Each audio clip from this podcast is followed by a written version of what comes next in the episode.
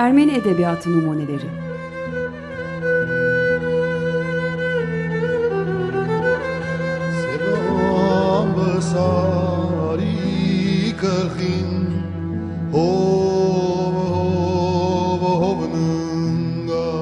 Hazırlayanlar Paylin ve Yetvart Tomasyan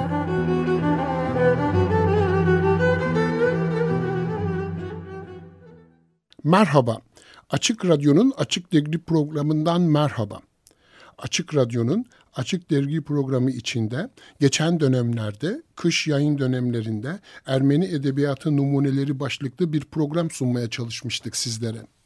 Yaz yayın dönemlerinde ise Ermeni Edebiyatı Numuneleri programına ara verip döneme uygun bir başka programla kaybolmaya yüz tutan İstanbul şehrinin Ermeni çehresinin varlığından bahsederek İstanbul şehri içinde bir kültür gezisine çıkalım istemiş.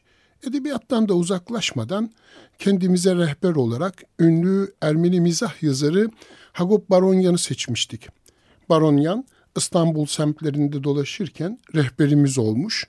Buduyt mu bolsa tagirum meç, İstanbul mahallelerinde bir gezinti adlı kitabıyla birlikte sizlerle beraber semt semt, mahalle mahalle gezintiye çıkmıştık.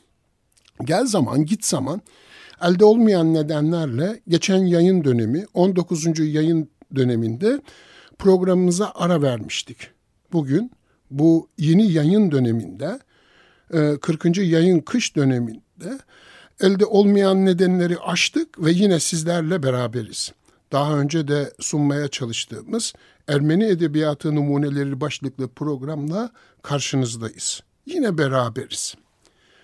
Programı yeni takip edenler için eskiye dönük ufak bir hatırlatma ile söze başlayalım. Programın adı Ermeni Edebiyatı Numuneleri.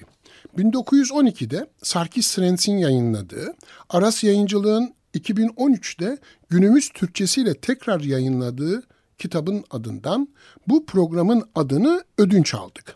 Bu vesileyle 100 yıl sonra Sarkis Srens'e de buradan Açık Radyo'dan bir selam gönderir, toprağa bol olsun deriz. Merhaba, Açık Radyo'nun dinleyicileri, merhaba. Benim adım Yetvart Tomasyan namı diğer Tomu. Paylin'le birlikte bu programı hazırlıyoruz. Bu programda adından da anlaşılacağı gibi Ermeni edebiyatından Türkçe'ye çevrilen öykülerden, şiirlerden, ez cümle edebi eserlerden örnekler sunuyoruz. Genellikle çağdaş Türkiye Ermenilerinin ürettiği bu coğrafyanın eserlerinin okunmasına öncelik vereceğiz. Kimi zaman da Ermenistan veya diaspora Ermenilerinin ürettiği eserlerin Türkçe çevirilerine de yer vermeye çalışacağız. Okuyacağımız eserlerin yazarını da tanıtmayı amaçlıyoruz. Dilimiz döndükçe yazarın yaşam hikayesini de aktaracağız. Küçük de olsa bu çabamız bir farkındalık yaratmak, aynı coğrafi bölgede doğup büyümüş, yan yana yaşayan farklı kültürlerden insanların birbirlerini edebiyat yoluyla daha iyi tanıyıp birbirlerini anlamalarına yardımcı olmak, insanlığın ortak değerlerine birlikte katkı sunmaktır. Birlikteliğimiz daim olsun. Bu haftaki programımızda konu edeceğimiz yazarımız İkinci Dünya Savaşı yıllarında işgal altındaki Paris'te faşizme karşı verilen direniş mücadelesinin liderlerinden Misak Manuşyan. Misak Manuşyan'ın öyküsü tehcirden göçmenliğe, İkinci Dünya Savaşı'ndan faşizme, tarih çarkının bireyi öğüten onca sivri dişlisi üzerinde yükselen bir yoldaşlık öyküsüdür. Misak Manuşyan'ın 1906'da Adıyaman'da başlayan hayatı Birinci Dünya Savaşı'nın, İspanyol İç Savaşı'nın, komünizm düşmanlığının ve otoriter rejimlerin Fransa'ya savurduğu binlerce yabancınınkine Paris'te kesişiyor. Dilini bilmediği, sokaklarını tanımadığı bu şehirde Manuşya'nın şiiri, müziği, edebiyatı elden bırakmadan kültürünü yaşatma çabası zamanla tüm halkların özgürlüğünü koruma mücadelesine, insanları yaşatma mücadelesine dönüşüyor. Misak Manuşyan ve 22 dava arkadaşının 21 Şubat 1944'te kurşuna dizilerek sonlanan hayatları, direnişi şiddetten ayıran çizginin özgürlük mücadelesi anlamına geldiğini, özgürlüğün olmadığı yerlerde ise ne bir halkın ne de bir aşkın kendini gerçek anlamda var edebileceğini bir kere daha gösteriyor. Misak Manuşyan 1906'da Adıyaman'da doğdu. Kardeşi garabet dışında tüm ailesini 1915 katliamında kaybetti. Çocukluk ve ilk gençlik yıllarını Suriye'deki Cünye yetimhanesinde geçirdi. 19 yaşında 1925 yılında kardeşi Garabet ile birlikte Paris'e geldi. 1930-31 yılları arasında Kerem Atmacıyan'la birlikte Ermenice Edebiyat Dergisi Çankı çıkarttı. 1934'te Fransız Komünist Partisi'ne ve Hayastani Oknutyan Gomi'de Ermenistan'a Yardım Komitesi'ne kayıt oldu. 1935-37 yılları arasında haftalık Ermenice Zanku dergisinin editörlüğünü yaptı. 1942'de Fransız Komünist Partisi öncülüğünde kurulan Direniş örgütüne katıldı. 1943'ün Ağustos'unda Paris bölgesi sorumlusu ve askeri şefliğine getirildi. 16 Kasım 1943'te tutuklandı. Kızıl Afiş'te Ermeni, elebaşı, 56 suikast, 150 öldürme, 600 yaralanma ibareleriyle adı yer aldı. 21 Şubat 1944'te Valerin Tepesi'nde 22 arkadaşıyla birlikte 23 kişi kurşuna dizildi.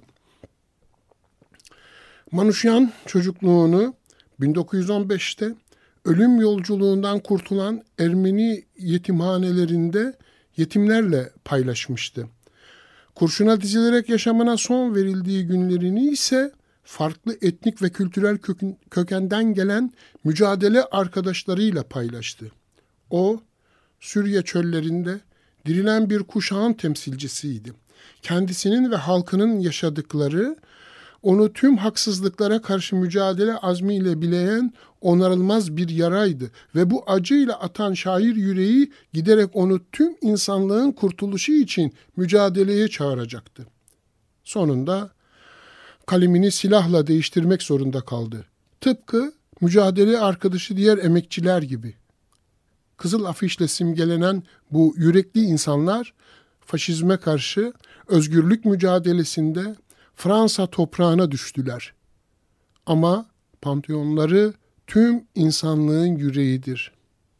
Şimdi Aras Yayıncılığın 2009'da yayınladığı dostu, sevgilisi ve yoldaşı Meline Manuşyan'ın kaleme aldığı Bir Özgürlük Tutsağı Manuşyan adlı kitaptan Manuşyan'ın birkaç şiirini okumadan birkaç satırla da olsa Meline Manuşyan'dan da bahsetmek yeridir.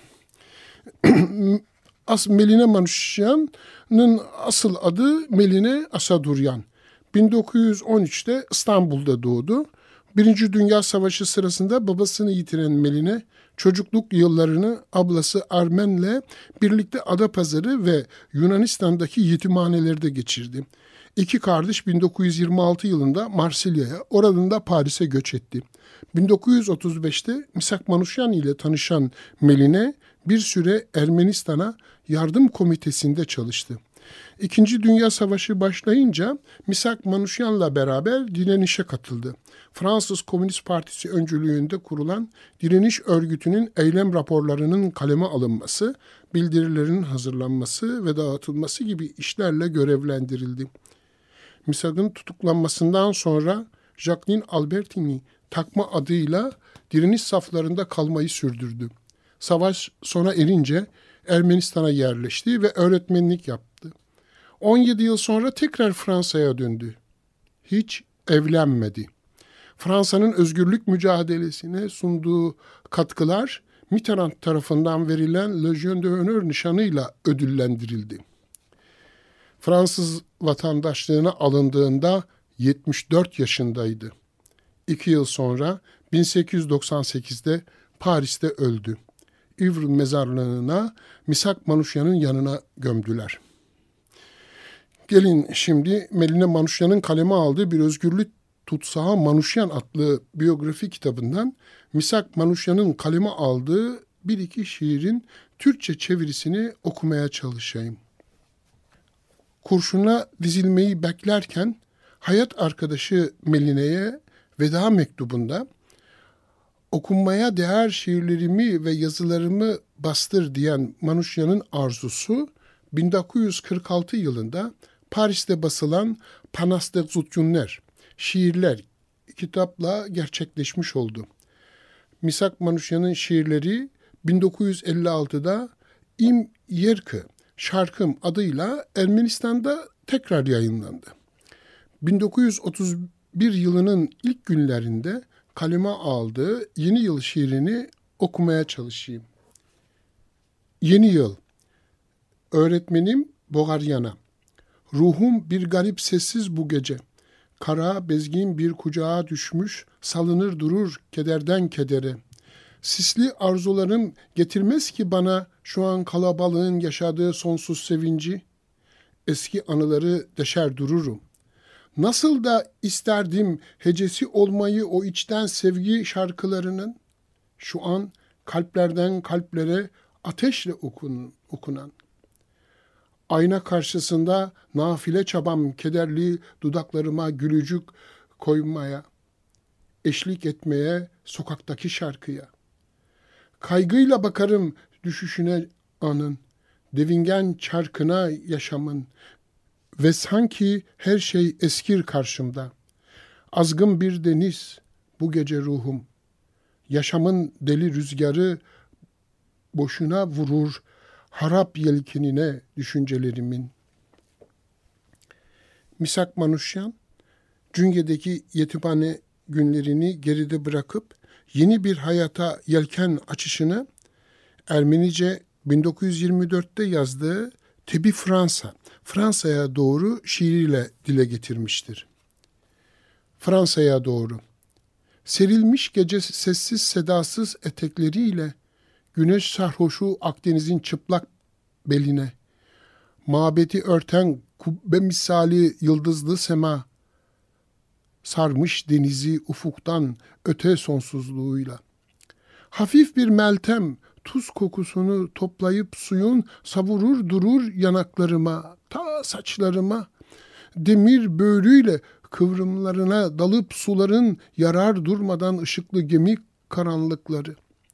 Ve ileriye atıldıkça hep gemiyle doğan, gecenin derin sihrine esir düşmüşken sular, Nasıl köpürüp akarsa deli gerisin geri, aklım da öyle, ruhumsa koşar telaşla ileri. Arkamda kaldı doğayla besli çocuk yaşlarım ve sefaletle, yoklukla dolu yetim günlerim. Delikanlıyım, sarhoştur başım, defter, kitapla olgunlaşmaya gidiyorum ben hayat yoluna. Arzularım sonsuz, şu deniz gibi uçsuz bucaksız, tarifsizdir. Hem de sihirli misali şu karanlığın bilgelik nuru sanat şarabı içmekten meramım ve hak etmektir yaşam kavgasından çelenkleri eşsiz. Misak Manuşya'nın hayatına geri dönecek olursak 16 Kasım 1943'te Manuşyan tutuklanır. Uzun sorgudan ve iskenceden geçer. Mahkemede son konuşmasında irticalen aşağı yukarı şunları söyler. Önce Almanlara doğru dönerek size söyleyecek hiçbir şeyim yok. Ben size karşı koyup savaşarak görevimi yaptım. Yaptığım hiçbir şeyden pişman değilim. Şimdi rolünü oynama sırası sizde. Elinizdeyim. Sonra Fransızlara dönerek fakat size gelince sizler Fransızsınız. Biz Fransa için, bu ülkenin kurtuluşu için savaştık. Size vicdanınızı ve ruhunuzu düşmana sattınız. Siz Fransız uyruğunu miras aldınız, bizse bu uyruğu hak ettik. 23'ler ölüme mahkum edilir. Öğleden sonra papazlar ve Kızıl Haç mahkumları ziyaret eder. Hepsi de son arzularını dile getirerek kağıt ve kalem isterler.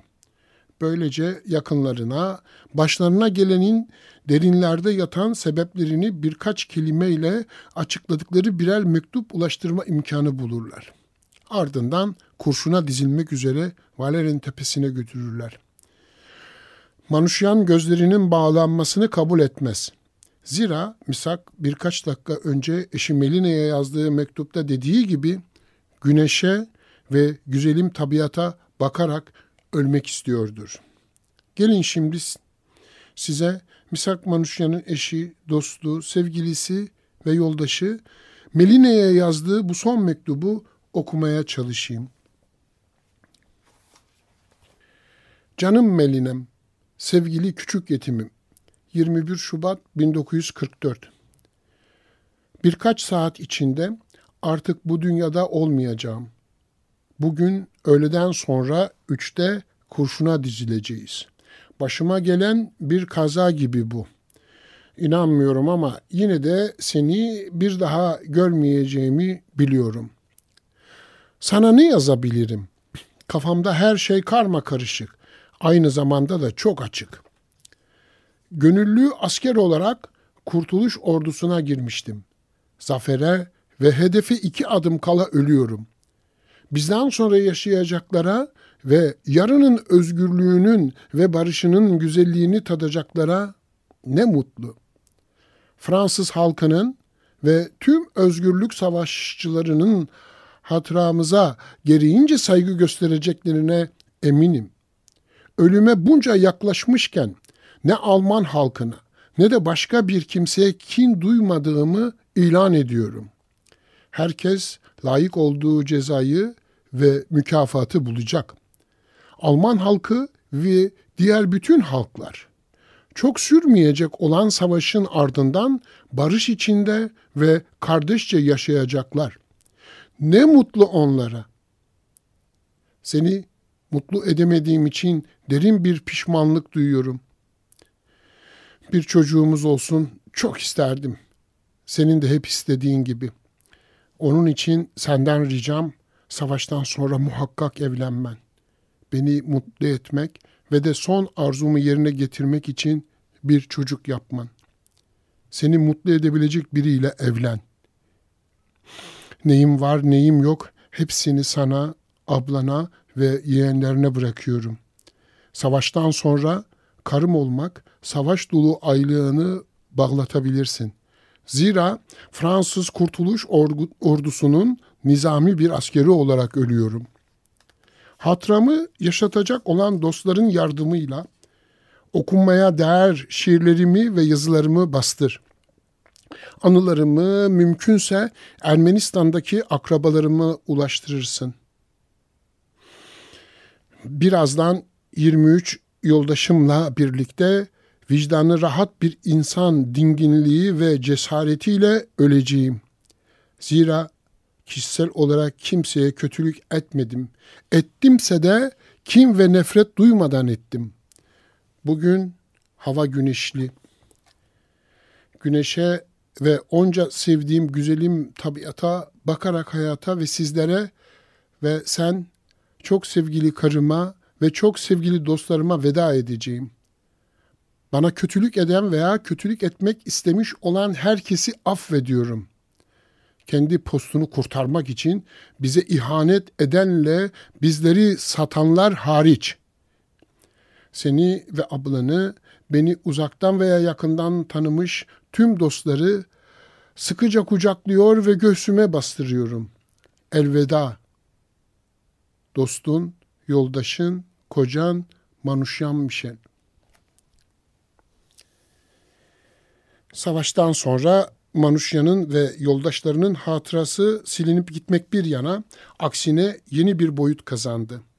1955'te bütün Fra e, büyük e, Fransız şairi Louis Aragon, Manuşyan grubunu ölümsüzleştiren şiirini kaleme aldı. Bu şiiri de sizlerle paylaşmak, okumak istiyoruz. Şiirin adı Manuşyan Grubu.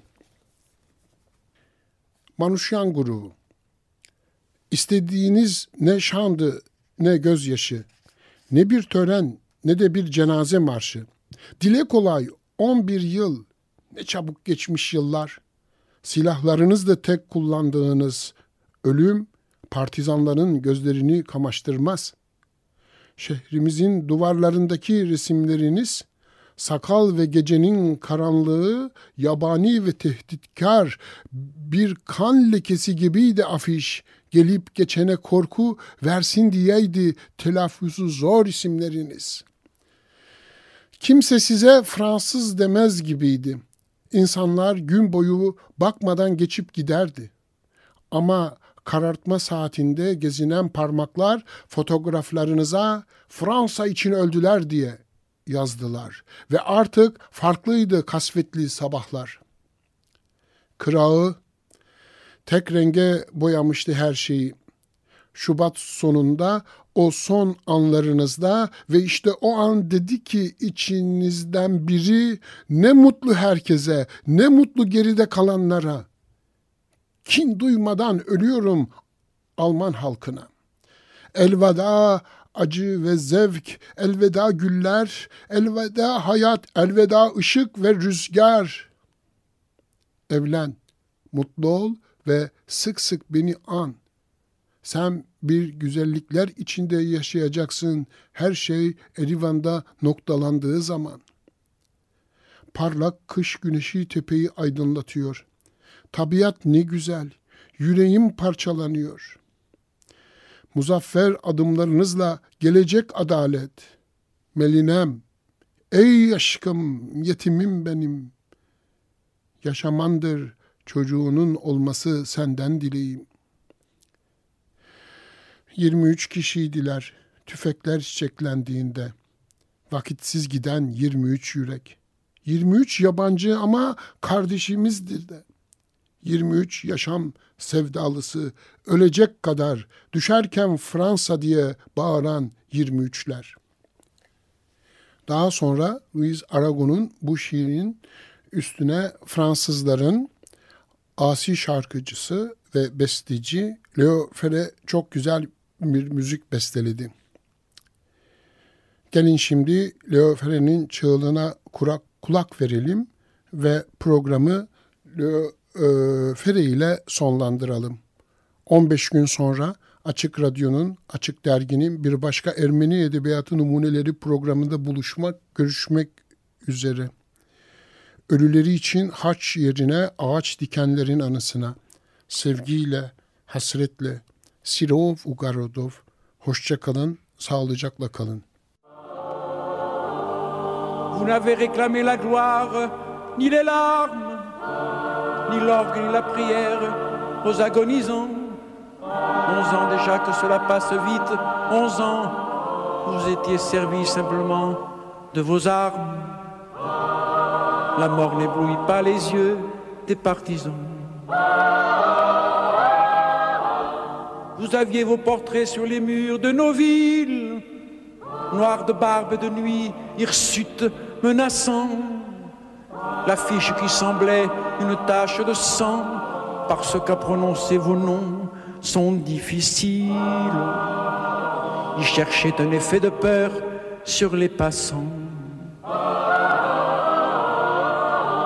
Nul ne semblait vous voir français de préférence. Les gens allaient pour vous sans yeux le jour durant.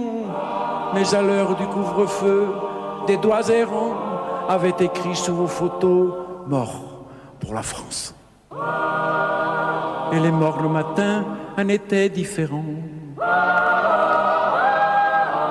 Tout avait la couleur uniforme du givre. À la fin février, pour vos derniers moments. Et c'est alors que l'un de vous dit calmement bonheur à tous, bonheur à ceux qui vont survivre. Je meurs sans haine en moi pour le peuple allemand. Adieu la peine et le plaisir, adieu les roses, adieu la vie, adieu la lumière et le vent. Marie-toi, sois heureuse et pense à moi souvent, toi qui vas demeurer dans la beauté des choses. Quand tout sera fini plus tard en érivant. Un grand soleil d'hiver éclaire la colline, que la nature est belle et que le cœur me fend. La justice viendra sur nos pas triomphants, ma mélinée, ô mon amour, mon orpheline. Et je te dis de vivre et d'avoir un enfant. Ils étaient 23 quand les fusils fleurirent. 23 qui donnaient leur cœur avant le temps. 23 étrangers et nos frères pourtant. 23 amoureux de vivre à en mourir. 23 qui criaient la France en s'abattant.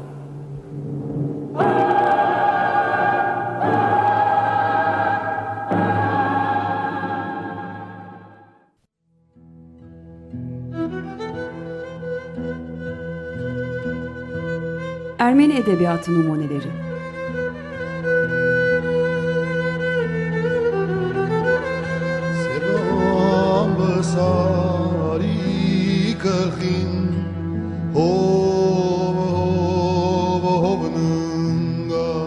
Hazırlayanlar Paylin ve Yetvart Tomasyan.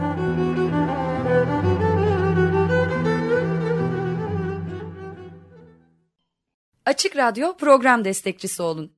Bir veya daha fazla programa destek olmak için 212 alan koduyla 343 41 41